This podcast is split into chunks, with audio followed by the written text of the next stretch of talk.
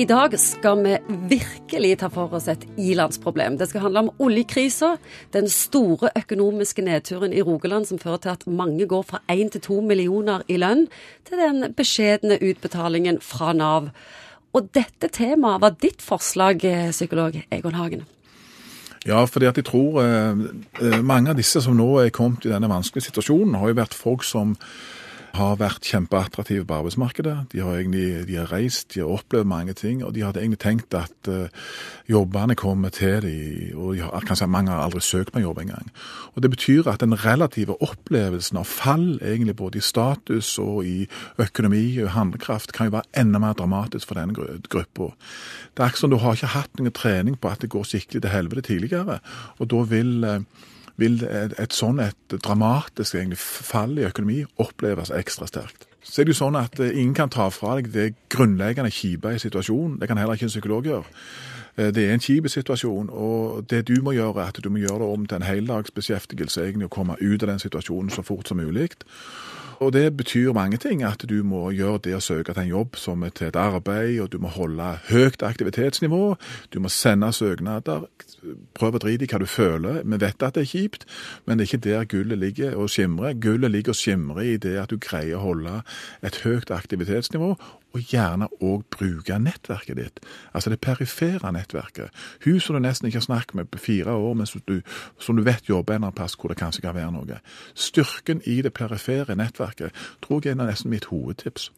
Men det kan jo være vanskelig å ta kontakt med noen etter så lang tid, og når du da har hatt et vondt fall. Selvtilliten er ikke på topp da? Nei, men det som, det som, kanskje er litt OK akkurat nå, i hermetegn, det er at du er ikke alene. Folk vet at dette skyldes ikke egenskaper med deg, men det skyldes at det er en dramatisk forandring egentlig i hele bransjen. Så det er en innebygd forståelse i den situasjonen som, som du nå er oppe i.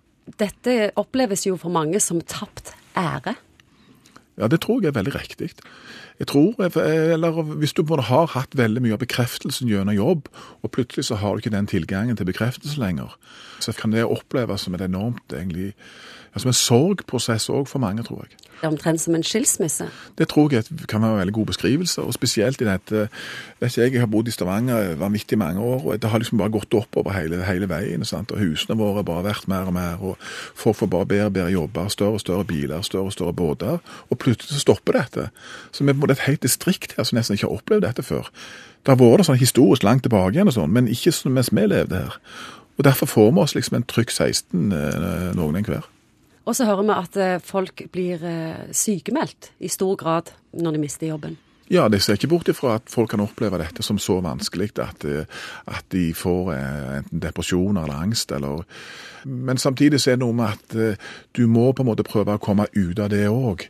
Tenne den gnisten igjen som sier at jeg skal back in business. Jeg skal, jeg gir meg ikke. Og den der fighterinstinkten der, det, det, er litt det vi jobber med. altså Opp og hopp seiler Altså, nå er det liksom Eh, du kan ikke legge deg ned. altså Du har altfor mye innestående på kontoen egentlig sånn, ja, av erfaring og sånn til det. Har du andre måter enn hvordan en kan takle sosial og økonomisk nedtur på best mulig måte? Ja, så ja, Det er på en måte igjen det der å styre tankene sant? Og, og, finne ut hva type tanker er det som er offensive og som gir deg mot i forhold til å gå videre, og hva type tanker er det som egentlig bare er gammel drit, altså dette går til helvete og du kommer aldri tilbake igjen i jobb osv.